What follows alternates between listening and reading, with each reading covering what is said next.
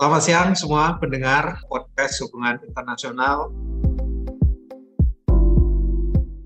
Sobat HI di mana pun Anda berada, eh, kali ini kita jumpa lagi di podcast kita yang dikelola oleh Departemen Ilmu Hubungan Internasional Universitas Gajah Mada. Senang sekali kali ini saya berkesempatan menjadi host dan kita akan membahas satu fenomena yang cukup disorot di tanah air. Akhir-akhir ini adalah pemerintahan baru di negeri jiran Malaysia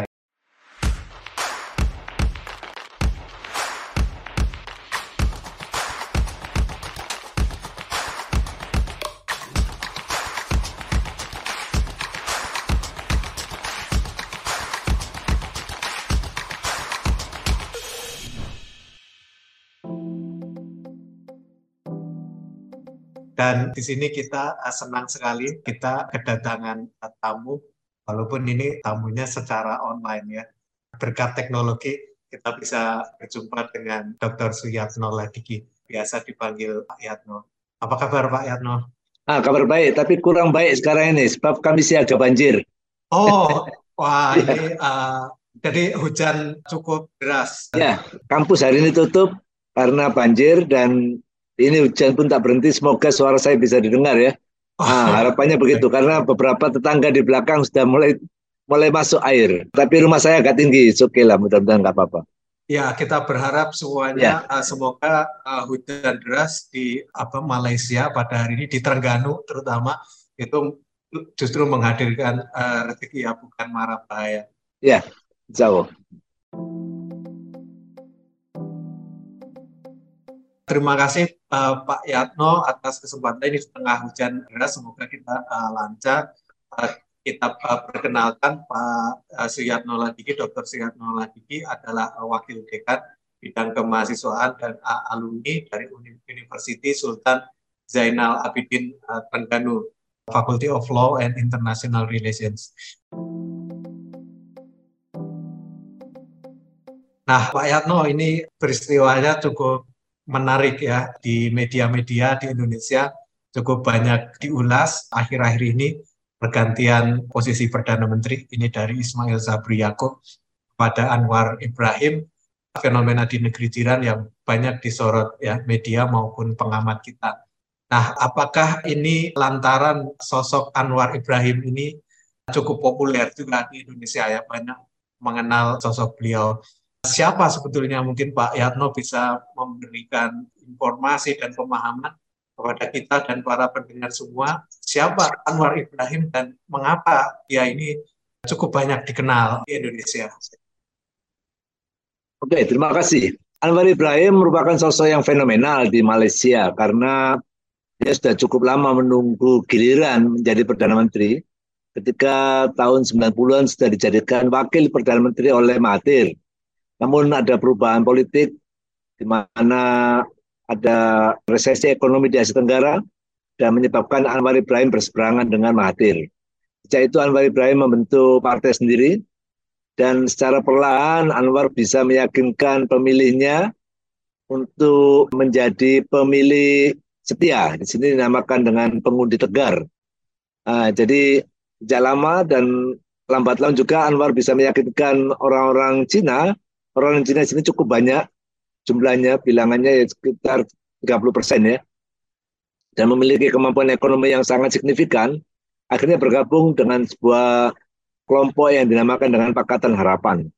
Nah, Pakatan Harapan memang selalunya tidak memiliki suara yang majority, nah, sekitar 70 kursi dari 220 kursi. Namun begitu lambat laun dia menjadi suatu kelompok yang konsisten perjuangannya dan memiliki pengundi tegar tadi ya, pemilih yang setia itu. Dan ini membuat Anwar memiliki akar yang sangat kuat di politik Malaysia. Meskipun sebenarnya dia juga sosok yang kontroversi. Dia terpa isu korupsi, isu sodomi yang paling uh, memalukan itu kan isu sodomi dan sebagainya. Uh, namun begitu, uh, dinamika politik Malaysia selalu menjadi uh, dinamika yang paling vibrant ya karena kadang ada kesan kasar, terkesan brutal ya, tuduhan-tuduhan korupsi dan uh, tuduhan semacam itu. Ini menjelaskan mengapa akhirnya peta politik berubah sebab kelompok Melayu itu tidak bisa memiliki pendukung yang setia seperti hanya dimiliki Anwar. Anwar adalah seorang kelompok Melayu dari pecahan AMNO. Mungkin ibarat AMNO ini kayak Golkar ya, pecah menjadi beberapa partai. Dan beberapa di antaranya membentuk dengan Anwar dan di antaranya lagi pecah. Tahun 2018 Anwar sebenarnya tidak menjadi oposisi atau pembangkang, menjadi pemerintah bagian dari pemerintahnya Mahathir Muhammad. Yang kedua ya, jadi comeback yang kedua Mahathir itu pecah membentuk partai bersatu, pecah dari AMNO dan AMNO pun akhirnya menjadi uh, oposisi. Dan dosa AMNO yang paling besar adalah korupsi. Nah itu sampai sekarang pun dosa AMNO itu susah diampuni dalam bentuk hukuman terhadap pemilu atau pilihan raya di Malaysia. Sehingga sisa kursi AMNO dari dulunya sekitar ratusan, 140 eh, atau berapa, itu sekarang hanya 30, 30 kursi. Ini kan masa-masa yang paling nadir, titik nadir AMNO. Dan AMNO memang pecah beberapa kali, di antaranya menjadi bersatu, dan bersatu sekarang menjadi kumpulan yang berbeda, yaitu Perikatan Nasional, dipimpin oleh dulu pimpinan AMNO juga, bekas Perdana Menteri Tan Sri Muhyiddin.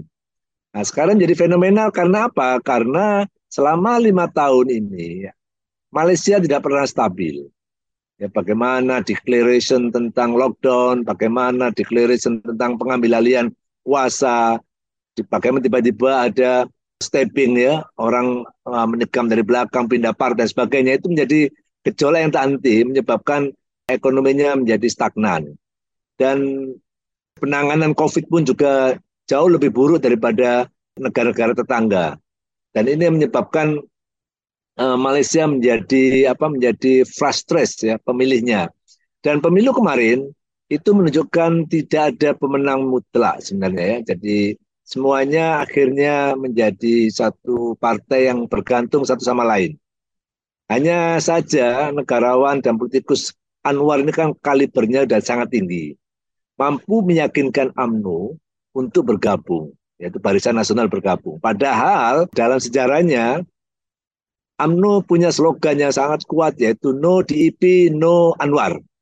Nggak mau kerjasama dengan DAP, Partai Cina itu, dan nggak mau ada Anwar. Nah, ini kan cara meyakinkan yang luar biasa.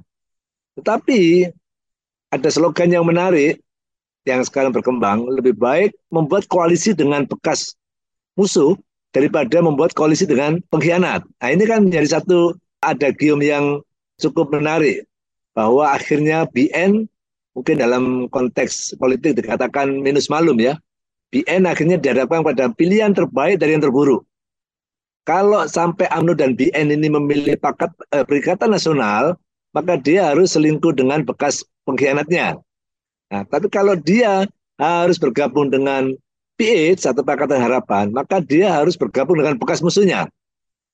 Nah, isu ini menjadi isu yang digoreng cukup efektif oleh kelompok Pakatan Harapan dan akhirnya mau tidak mau BN memilih bergabung dengan Pakatan Harapan. Meskipun ada juga keinginan untuk menjadi pembangkang, tapi agak susah karena dia tidak bisa berdiri sendiri. Sistem parlementer di Malaysia ini kan hanya ada dua kelompok ya, kerajaan atau pemerintah di satu sisi dan pembangkang atau oposisi di sisi yang lain. Maka BN harus memilih. Yang kedua, BN juga punya kepentingan untuk reorganize kehancuran partainya. Jadi dia ingin stable nah, masuk pemerintah. Sehingga dengan kuasa politik nah, bulan depan untuk mesuarat agung AMNO itu saya rasa menjadi satu bekal untuk menyatukan suara. Faktor yang lain yang cukup signifikan atas kenaikan Anwar ini itu adalah sokongan atau dukungan raja. Nah, jadi yang di Pertuan Agung ini akhirnya melihat bahwa situasi politik ini dia harus campur tangan ya, dia campur tangan. Dan sebenarnya semua apa nama-nama yang ditawarkan Anwar Ibrahim atau, ataupun ditawarkan oleh Muhyiddin Yassin, karena kan dua-duanya mengaku punya dukungan yang sama. Nah, itu akhirnya dipanggil satu-satu oleh raja dan raja berkeputusan untuk mengumumkan sokongannya, dukungannya berdasarkan rapat bersama seluruh sultan di Malaysia untuk menguatkan. Nah, jadi Hari itu juga seluruh sultan di Malaysia dipanggil rapat mendukung keputusan agung.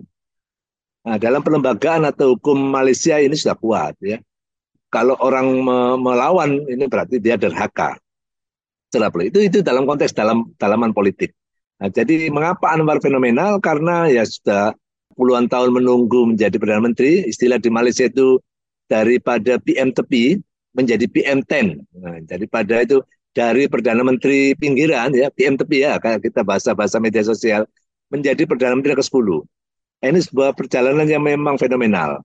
Dan terlepas dari kasus yang ada itu banyak sekali orang mempertanyakan ya seperti teman-teman di Indonesia mengapa Anwar itu punya kasus sodomi nah, bisa menjadi perdana menteri. Ya, jadi sistem hukum di Malaysia sepanjang raja itu mengampuni maka dia akan suci. Nah, karena raja memiliki pertimbangan bahwa kasus ini perlu diampuni atau tidak. Itu berarti raja punya hak sepenuhnya. Kalau Indonesia mungkin istilahnya seperti gerasi ya, sebagai kepala negara. Jadi suci ya, dia nggak bersalah. Nah, orang Malaysia percaya itu. Nah, lembaga raja di Malaysia ini kan masih dipercaya, diakui. Jadi ini yang menolong Malaysia dari kebuntuan politik. Nah, sekarang ini Anwar ditolong oleh dua situasi tersebut. Ini untuk sementara penjelasan saya, Mas Rum. Ya, uh, terima kasih Pak Yatno penjelasan yang sangat menarik. Artinya kita lihat uh, terjadi perubahan konstelasi politik uh, di dalam politik domestik Malaysia, di mana BN sendiri uh, juga terpecah menjadi beberapa uh, kelompok, salah satunya yang besar Perikatan Nasional dan juga uh, Barisan Nasional. Dari situ ada friksi di antara mereka yang menjadikan posisi Pakatan Harapan punya prospek yang lebih besar. Saya kira tadi juga cukup disentuh perjuangan Anwar Ibrahim. Banyak uh, kalangan menilai bahwa isu-isu atau kasus-kasus yang ditimpakan pada dirinya uh, setelah campaign reformasi pada tahun 98 banyak sekali bermuatan politik, terutama kasus tuduhan uh, korupsi dan juga tuduhan sodomi dianggap sebagai kasus-kasus yang sangat bernuansa politik sehingga mengkekalkan uh, karakteristik Anwar sebagai pejuang demokrasi. Nah ini saya kira yang cukup influensial uh, dan uh, masyarakat Asia Tenggara mengamati isu ini dekat-dekat. Uh, bahkan katanya ketika uh, Anwar Ibrahim ditahan, uh, banyak pemimpin Asia Tenggara lain seperti Yosef Estrada atau B.J. Habibie yang turut meminta supaya Anwar hak-haknya tidak direnggut ya. Pak Yatno saya kira itu menjadikan Anwar mendapat simpati dari masyarakat pro demokrasi. Bagaimana dengan karakteristik pro demokrasi atau uh, merepresentasikan aspirasi uh, demokrasi? Apakah di dalam negeri Malaysia uh, Anwar Ibrahim masih menjadi salah satu tokoh yang mempresentasikan itu, Pak Yatno? Iya, saya sepakat itu. Memang Anwar dikenal konsisten ya untuk memperjuangkan demokrasi. Dan dia terkenal dengan uh, ide-idenya yang cukup reformis. Maka dia membawa ide reformasi Indonesia itu kan ke Malaysia. Uh, hanya masa itu waktu itu kan tidak kontekstual ya, sehingga mengalami banyak kegagalan. Namun Anwar konsisten. Uh, sehingga awal dia memerintah pun sudah nampak angin segar bagi demokrasi di Malaysia. Berbeda dengan uh, sebelumnya, Anwar sudah mulai memberikan banyak kebebasan uh, kepada pers dan sebagainya. Berbeda dengan sebelumnya. Jadi itulah kelebihan Anwar ya sebagai uh, saya rasa personality and politics Anwar memang dia hebat lah. Dia hanya boleh kalah oleh Mahathir sebenarnya. Hanya Mahathir itu kan dimakan usia saja. Tapi saya rasa yang kedua ini Anwar lah yang terhebat yang lain saya rasa tidak memiliki kaliber seperti Anwar ya. Anwar Musa, uh, kemudian yang lain, uh, Kuli dan sebagainya, uh, Tengku Razali. Jadi ini ini pandangan saya, pandangan saya yang menyebabkan yang kedua Anwar kan disukai pasar ya, Anwar disukai pasar. Uh, sebab dia terkenal dengan ide-ide demokrasi yang sangat pro Barat, sehingga ketika Anwar belum terpilih, itu ringgit itu jatuh satu ringgitnya satu dolar itu empat 4.8. Nah, ketika saya mau transaksi itu saya kata kepada PA saya bahwa saya menunggu Anwar terpilih. Karena saya yakin ringgit akan turun. Dan betul begitu terpilih hanya selisih satu hari saja itu dari 4.8 menjadi 4.2. Nah, itu kan memang menandakan bahwa Anwar itu disukai pasar. Dan demokrasi and market ini kan di dunia ini kan juga berjalan seiring ya, berjalan seiring. Ini menjelaskan uh, saya percaya ke depannya Anwar ini mampu lah, mampu membawa demokrasi yang lebih uh, progresif sebab di Malaysia demokrasinya masih banyak sekali pengaruhi oleh demokrasi yang konservatif, yang orang-orang kata sekarang itu politik identitas dan sebagainya. Di sini masih kuat ya. Nah, Melayu itu kan sebenarnya mayoritas secara politik. Tapi kan pecah menjadi beberapa, di antaranya pecah menjadi Anwar, pecah menjadi kelompoknya Zahid, AMNO, pecah menjadi kelompoknya Muhyiddin. Nah, itu kalau semuanya digabungkan ya juga sekitar 60 persen, ya kan? Dan nah, belum, belum lagi pecah menjadi kelompoknya PAS ya, Partai Islam. Nah, sekitar 60 persen, 70 persen. Yang kita ketahui, yang solid itu kelompok Cina ya. Kelompok Cina itu kursinya itu tidak pernah berubah dari 40. Mulai tahun 2000-an sampai sekarang. Jadi dia konsisten. Nah, tapi yang pecah ini kan yang Melayu. Dan ini menjadi tantangan bagi Anwar bagaimana dia mulai merangkai ya, merangkai. Dia tidak menunjukkan permusuhan yang ketat ya. Dia selalu mengembalikan kepada konstitusi. Tuduhan-tuduhan dan sebagainya. Oke lah kita jalankan konstitusi. Jadi dalam pandangan saya memang saya percaya Anwar bisa membawa suasana demokrasi yang lebih baik bagi Malaysia. Baik, Pak Yatno, ini kan kalau kita lihat laporan terbaru ya dari The Economist, uh, misalnya di Index of Democracy tahun 2021, nampaknya menempatkan uh, Malaysia ini sebagai negara di Asia Tenggara dengan performa yang paling tinggi ini di atas uh, Timor Leste dan juga uh, Indonesia uh, ditambah lagi dengan sekarang uh, ini dengan terpilihnya seorang tokoh yang uh, sangat lekat dikenal sebagai pemimpin oposisi sekarang menduduki uh, jabatan sebagai pemerintahan. Tadi Pak Yatno sebenarnya sudah menyampaikan tahun 2018 Anwar Ibrahim pernah di pemerintahan juga ya di uh, kabinetnya Mahathir. Tapi apakah kita bisa mengatakan bahwa ini adalah satu proyeksi baru bagi demokrasi di Malaysia? Tentu ada limitasinya. Tadi Pak Yatno menyampaikan misalnya etnik politik nampaknya masih sangat kental ya Pak Yatno di di sana berbeda dengan uh, misalnya di Indonesia etnik politik tidak pernah menjadi komoditas dalam pemilihan umum tapi nampaknya di Malaysia itu masih kita uh, rasakan. Nah, apakah dengan tren baru ini uh, performa Malaysia yang cukup ada improvement ini uh, akhirnya nanti bisa uh, membawa perubahan di dalam negeri gitu Pak untuk uh, demokrasi. Ya, mungkin ada perlu saya tambahkan lagi. Mengapa Anwar begitu disukai orang Indonesia? Itu karena memang sejak tahun 70 ketika dia menjadi mahasiswa, dia sudah rapat dengan Nur Khalid Majid, Imaduddin dan sebagainya. Dia juga sudah dekat sekali dengan HMI ya. Bahkan dia membuat organisasi permiat kalau nggak salah itu, Persatuan Mahasiswa Islam Asia Tenggara. Nah, di mana dia menjadi sekjennya dan presidennya adalah Cak Nur. Itu yang pertama. Jadi awal mula Anwar dekat sekali dengan tokoh-tokoh demokrasi di Indonesia karena memang dia konsisten sejak muda. Uh, bahkan ketika Anwar itu mau dipenjara, uh, esoknya hari itu juga Habibie kan meminta dia untuk tidak balik Malaysia. Adalah di rumah saja. Saya akan berjuang untuk kepembebasanmu. Itu kan kalau nggak salah statementnya uh, almarhum Habibie. Nah, ini menjelaskan memang Anwar sangat dekat dengan tokoh-tokoh demokrasi di Indonesia. Oleh karena itu, dalam banyak pidato, Anwar selalu membanggakan Indonesia. Ini yang bagi saya sebenarnya sebuah bentuk pengakuan jujur dari Anwar, seorang pemimpin Malaysia, bahwa dia banyak belajar tentang politik Indonesia, demokrasi Indonesia. Nah, salah satu yang dia inginkan adalah politik kebangsaan. Nah, ini yang masih menjadi tantangan serius di Malaysia, seperti yang disampaikan oleh Mas Rum tadi, politik et etnisitas itu masih kuat. Ya, politik identitas juga masih kuat. Nah, di Malaysia ini menjadi hambatan.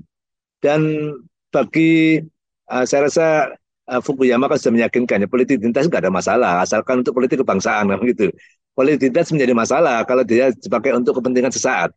Nah itu kan begitu ya. Anwar meyakini ke depan politik kebangsaan Malaysia ini memang perlu diwujudkan. Makanya dia selalu mencoba untuk mengikatkan lagi apa rukun atau pilar negara Malaysia ini. Salah satunya adalah lembaga beraja. Ya, jadi kemudian yang lain adalah agama. Dan Anwar kan dianggap sebagai pemimpin yang tidak Islami ya quote in quote terutama oleh lawan-lawan politik di Pantai Timur ya di tempat saya ini ya di mana mayoritas partai Islam berkuasa itu kan Anwar dianggap tidak Islami sekuler tapi di hari pertama dia punya kekuasaan dia undang semuanya ulama-ulama besar ya untuk menunjukkan bahwa dia tidak alergi. Nah, bahkan pemikiran dia itu disampaikan. Orang lupa ya, kalau Anwar dikatakan sekuler misalnya, orang lupa yang membuat kebijakan baju kurung, kebijakan tudung di Malaysia itu adalah Anwar ketika dia menjadi Menteri Pendidikan. Nah, ini kadang-kadang kan rangkaian serangan politik identitas dan etnisitas ini kan masih kuat. Nah, dalam konteks ini Anwar mulai me mencoba untuk menyatukan. Dia menjelaskan mengapa Anwar memberikan kursi perdana wakil perdana menteri ke Sarawak misalnya. Kalau Sarawak ini adalah provinsi yang paling sensitif. Nah, dia kaya tapi sensitif karena secara etnik berbeda, secara agama berbeda karena 60% mereka itu adalah orang Kristen dan secara politik dia sering kali berpindah-pindah dukungan. Tapi dengan adanya undang-undang anti lompat party, nah, itu menjadi mengikat. Makanya sebelum mosi percaya yang sore ini akan diumumkan, itu mereka sudah buat MOU. Jadi politik-politik demokrasi yang dijalankan Anwar memang uh, begitu sistematik. Saya rasa ini sudah direncanakan sejak awal ya, karena memang dia lama menjadi pembangkang, lama jadi oposisi. Hal ini sudah direncanakan sejak awal. Berbeda dengan AMNO ya, AMNO kan mabuk kuasa. Sehingga kadang-kadang dia tidak pernah menyadari bahwa kekuasaan yang dimiliki masa itu harusnya dikelola dengan baik. Tapi malah berpecah ya, malah berpecah hanya sekarang menjadi 30 kursi. Tambah lagi kalau dari Pakatan Nasional bersatu itu sekitar 25. Jadi semakin hancur. Nah ini menjelaskan mengapa Anwar melihat istilah-istilah demokrasi yang digulirkan oleh dia itu adalah istilah-istilah yang menggambarkan politik kebangsaan, yaitu uh, pemerintahan perpaduan dan sebagainya. Meskipun itu dikecam oleh lawan politiknya itu bukan perpaduan, itu unity.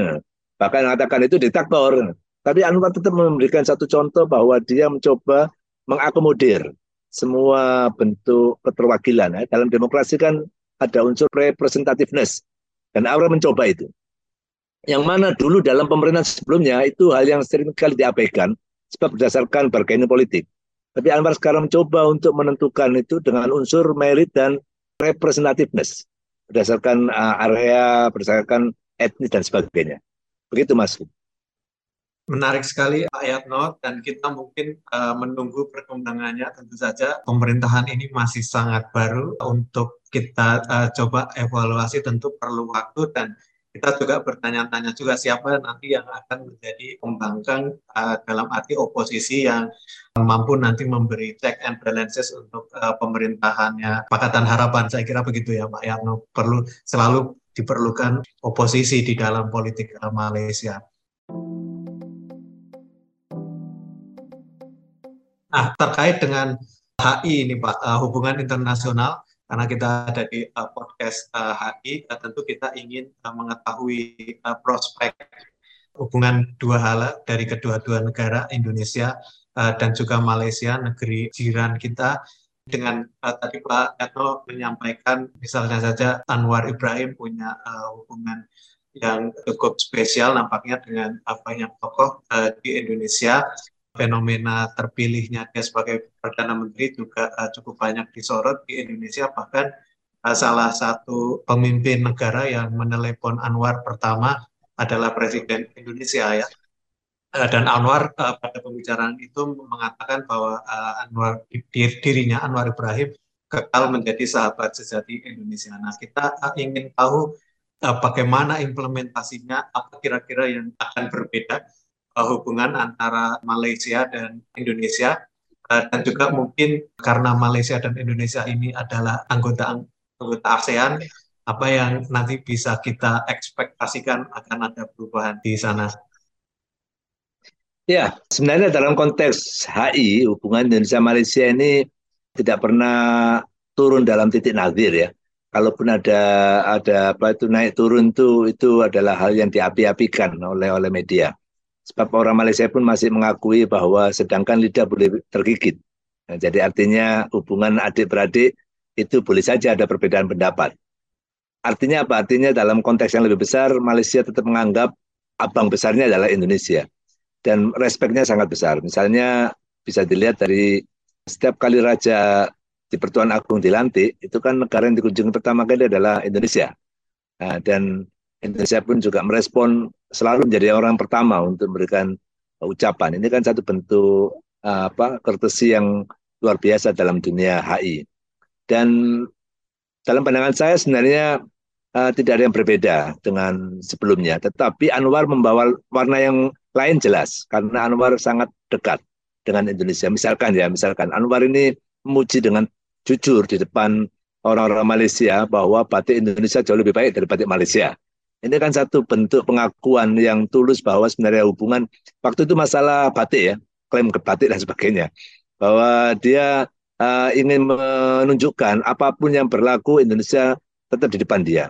Dan dalam konteks ASEAN, saya masih meyakini style ini akan dibawa oleh Anwar. Apalagi Anwar uh, begitu menghormati pemimpin-pemimpin Indonesia, terutama Jokowi. Dan harap diingat Jokowi di Malaysia ini sekarang menjadi satu figur yang paling dikagumi. Ya karena lima tahun Malaysia mengalami ketidaktentuan ekonomi dan politik, akhirnya orang melihat Jokowi sebagai satu figur yang diinginkan ya. Bahkan banyak joke di Twitter dan sebagainya kalau bisa Jokowi pensiun jadikan perdana menteri di Malaysia. Nah, ini, ini kan satu joke. Kemudian ditukar dengan para menteri-menteri korup yang uh, tidak berguna. Nah, ini contoh betapa frustrasinya waktu itu sebelum memilih Anwar. Artinya? Artinya dalam konteks HI, saya percaya Malaysia akan follow apa yang dilakukan oleh saudara besarnya itu. Ini dalam pandang saya. Bisa saja pandang saya salah, tetapi saya melihatnya dalam perjalanan hubungan Indonesia-Malaysia, Malaysia tidak pernah berbeda pendapat secara signifikan dengan Indonesia. Kalau salah, mohon saya dikoreksi. Yang sepanjang saya tahu begitu. Dan Malaysia selalu menyetujui apa yang dibuat oleh Indonesia. Berbeda dengan Singapura ya. Malaysia sering berbeda pendapat dengan Singapura secara tajam. Tapi dengan Indonesia saya tidak menemukan. Meskipun banyak masalah di sini karena memang ratusan ribu orang Indonesia yang tidak berdokumen di sini itu menimbulkan masalah. Tapi itu pun sebenarnya hanya riak kecil. Bukan sebagai representasi kebijakan yang diskriminatif dan sebagainya misalnya. Nah, itu pun dilakukan oleh polis-polis Malaysia yang mungkin wawasannya rendah atau yang memang dia ada pandangan yang sedikit rasialis ya. Rasialisme ini kan di mana-mana ada, tidak hanya di Malaysia, di seluruh dunia kan ada. Dan sebagian kelompok kan begitu. Saya sebagai orang asing di sini kadang-kadang juga mengalami hal yang sama ya untuk dilakukan cara rasialis. Tapi itu tidak menggambarkan suara mayoritas di Malaysia. Jadi ke depannya saya optimis foreign policy Malaysia eh, senantiasa sejalan dan sepadu dengan Indonesia.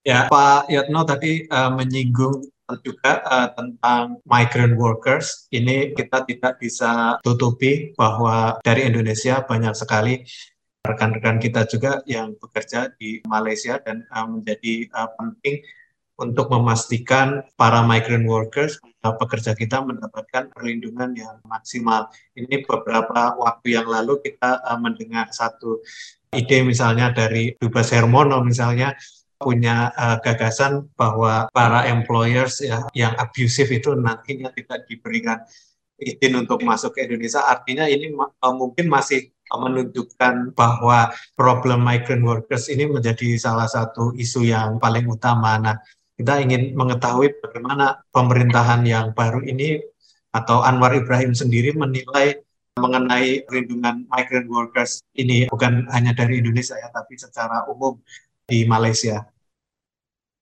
Iya, ini adalah persoalan yang menjadi sensitif ya, karena di depan mata, ya di depan mata. Saya pernah menjadi panitia pemilihan umum di KJRI Pulau Pinang itu satu malam ya karena kerjanya malam ya sampai pagi hari. Satu malam pukul dua itu ada pembantu yang dikejar-kejar polisi kemudian lompat pagar masuk ke KJRI. Nah, di situ ada 90 orang yang semuanya bermasalah. Ya, jadi kalau saya mendengar itu awak satu hari itu saya stres. Hari berikutnya menjadi ke, menjadi kebal ya kan karena kelewat banyak masalah yang saya rasa pemerintah Indonesia agak kesukaran untuk menyelesaikan one by one ya. Itu di Pineng ya. Belum lagi di Kuala Lumpur. Mungkin Mas Rum masih ingat ya, KBR itu kan memang gudangnya masalah di KL itu ya. Begitu besar dan begitu banyaknya. Nah, problem ini kan sering kali juga disuarakan oleh kelompok-kelompok di Malaysia maupun academician, dua negara harusnya jujur ya. Problem migrant worker ini kan pull and push faktor juga ada. Ya, jadi kalau didekati dengan perspektif korupsi, yang korupsi kan tidak hanya di Indonesia ketika dibuatkan KTP palsu, ya kan? Ketika dikirim dengan pembayaran, yang korupsi juga ada di Malaysia, yaitu di imigrasi, yaitu statement dari Wakil Perdana Menteri Muhyiddin Yassin dulu ya, ketika dia menjadi Wakil Perdana Menteri menyatakan lembaga yang paling korup di Malaysia itu adalah imigrasi. Nah ini mau tidak mau menjadi satu PR yang sangat berat ya bagi kedua negara. Karena mafia ini kan tidak mudah memberantasnya. Jadi ini adalah persoalan yang saya rasa tidak akan pernah berhenti sampai kapan pun ya. Sampai kamu kecuali perubahan ekonomi di Indonesia boleh mengurangkan lah, mengurangkan push faktor tersebut. Nah, adapun ide daripada duta besar itu mungkin cukup bagus ya uh, ide, tapi semestinya juga harus dikembalikan lagi pada konteks uh, bagaimana status hukum seorang tersangka di Malaysia yang berbeda sekali dengan di Indonesia ya. Karena di Malaysia menggunakan hukum British system sementara di Indonesia kan Dutch ya Belanda. Nah, di mana orang kalau tersangka bisa dipenjara langsung kan apalagi ancamannya lima tahun ke atas langsung penjara di sini tak di sini dia harus benar-benar dibuktikan oleh mahkamah ya bahkan dia tidak bisa dipenjara dia hanya bisa di reman istilahnya itu untuk pemeriksaan saja mungkin lima hari atau tujuh hari setelah itu dia akan dikasih pilihan untuk keluar dengan jaminan pembayaran nah, sampai ditentukan tanggal kapan dia harus bersidang dan kapan dia harus masuk penjara atas vonis tersebut. Dalam konteks ini asas praduga tak bersalah kan juga sangat kuat di sini ya. Jadi tidak bisa serta merta kalau tersangka ini uh, urusan migran dianggap bersalah, ini agak berbeda dengan di Indonesia. Dan ini menjadi perdebatan di Malaysia secara hukum. Apakah itu dimungkinkan? Saya rasa uh, para pakar hukum perlu duduk bersama ya. Kita orang HI ini kan hanya melihat dari segi kulitnya saja bahwa ini ada dua pendekatan yang berbeda dalam melihat tersangka. Dan kalau dipaksakan tentu nggak ketemu ya. Jadi orang hukum yang orang hukum internasional yang harusnya berbicara ya daripada kita melihatnya daripada policy itu itu itu memang sangat baik untuk efek cerah ya shock terapi. Tapi bagi saya itu hanya memadamkan api saja. Ya, dan saya yakin api itu akan muncul lagi kalau sumbernya tidak pernah ditemukan. Ya, sebab uh, kasus-kasus uh, yang pembantu di setrika itu juga kasus yang sangat banyak di blow up oleh media. Apakah media juga pernah menceritakan tentang kasus yang sebaliknya misalnya pembantu-pembantu yang kurang ajar ini ya kan? Sebab di KJRI, di KBRI itu ada banyak contoh dia masuk Malaysia ilegal, nah, di sini buat ulah.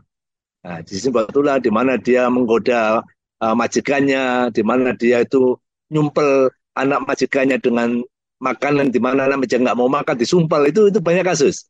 Tapi itu kan saya nggak pernah pernah membaca ya, saya nggak pernah membaca kisah itu. Tapi saya mendengar sendiri dari kasus itu di uh, konsulat misalnya ya.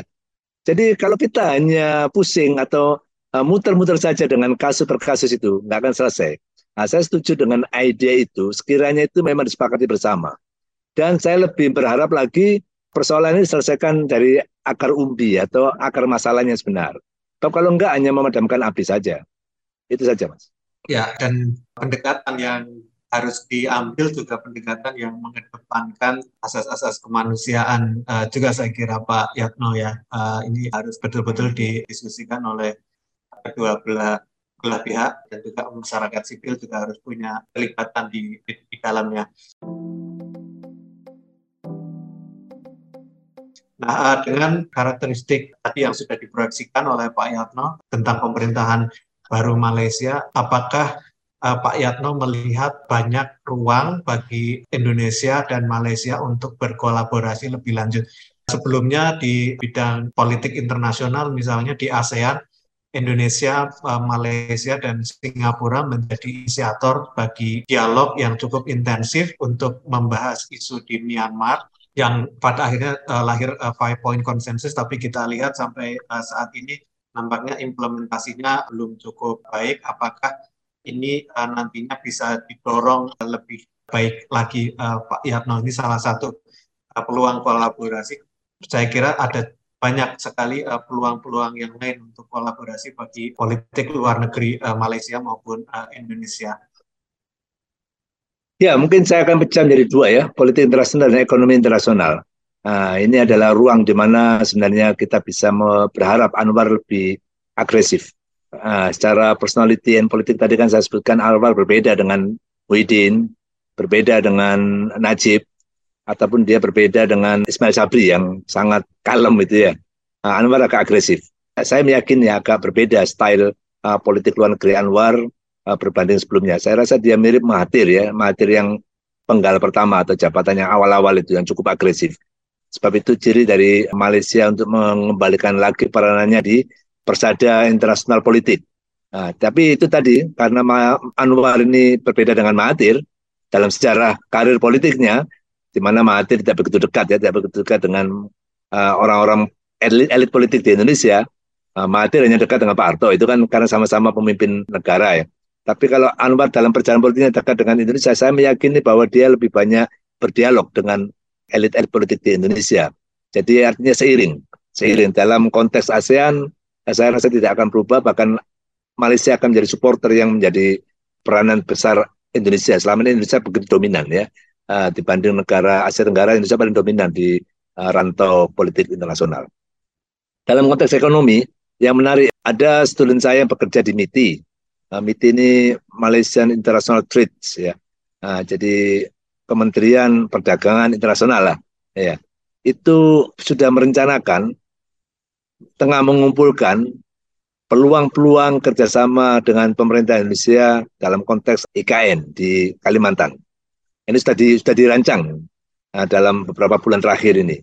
Uh, bahkan saya mungkin diundang bulan depan ini untuk ke MITI uh, berbicara tentang IKN karena memang MITI serius sekali untuk berperanan uh, berinvestasi di uh, IKN khususnya dalam konteks kedekatan dengan Provinsi Sabah ya di mana waktu IKN diumumkan itu kan ada 30 politisi uh, Sabah dari Sabah itu datang ke IKN dan berharap pemerintah memiliki akses infrastruktur yang menyebabkan Sabah itu kecipratan ya atau trigger dan efek dapat lah dan itu disauti oleh MITI. Nah, MITI ini serius sekali. Nah, saya tidak tahu bagaimana agendanya tapi yang jelas saya membaca beberapa dokumen yang diberikan student saya dia memang menyiapkan mengumpulkan semua informasi apa yang sekiranya bisa diinvestasikan di sana. Jadi harapan uh, kita dalam Malaysia nanti banyak investasi uh, di IKN. Ini contoh ya, contoh betapa sebenarnya sangat ke depan ya. Malaysia sangat ke depan melihat Indonesia. Uh, terutama juga melihat bagaimana kerjasama-kerjasama dengan Indonesia di sektor yang lain. Ini kononnya ya, kononnya juga mau ditingkatkan. Ini Anwar ini kan memang masih belum memberikan banyak sinyalemen yang jelas karena dia konsolidasi politiknya kan bulan ini. Bahkan dia kan nggak pergi ke Brussel. Yang belen-belen nggak pergi ke Brussel hanya untuk konsolidasi politik. Sebab untuk hari ini penentuannya nah, sore ini nah, kalau memang sah resmi memang dia baru memiliki uh, legitimasi yang sangat kuat di raja maupun di parlemen. Begitu Mas. Terima kasih Pak Yatno, waktu jualah yang uh, memisahkan kita. Uh, kita telah sampai di akhir durasi episode ini. Banyak hal bisa kita uh, pelajari dari apa yang disampaikan oleh Pak Yatno, situasi terkini di Malaysia dan juga analisis beliau yang uh, sangat menarik. Kita tentu saja berharap untuk kemajuan uh, kedua negara, Malaysia ini uh, salah satu negara yang sangat penting bagi Indonesia, sahabat dan juga jiran, di mana kita punya ruang untuk kolaborasi bersama dan uh, Pak Yatno tadi sudah menyampaikan peluangnya ada di uh, baik di politik luar negeri uh, maupun juga di ekonomi internasional ya uh, perdagangan, investasi dan lain sebagainya peluangnya uh, sangat besar dalam kolaborasi ke depannya. Kita kita berharap ke depan tentu kerjasama ini uh, terintensifikasikan baik secara bilateral maupun secara regional melalui ASEAN. Pak Yatno, uh, terima kasih atas waktunya. Ini perbincangan yang sangat menarik di tengah hujan ya. Uh, harapannya bisa kita sambung dengan pembicaraan-pembicaraan lainnya. Nah, para pendengar kalian, demikian diskusi kita dengan Pak Yatno, pembicaraan yang sangat menarik. Kita akhiri episode ini. Silakan teman-teman bisa menemukan edisi kita di beberapa platform yang tersedia, ada di Spotify, uh, YouTube, kemudian ada di Anchor, ya uh, Google Podcast dan aneka platform lainnya. Uh, jangan lupa untuk follow uh, dan subscribe kita untuk mendapatkan informasi-informasi uh, terbaru dan juga edisi-edisi terbaru dari uh, podcast hubungan internasional. Saya Muhammad Rum uh, undur diri.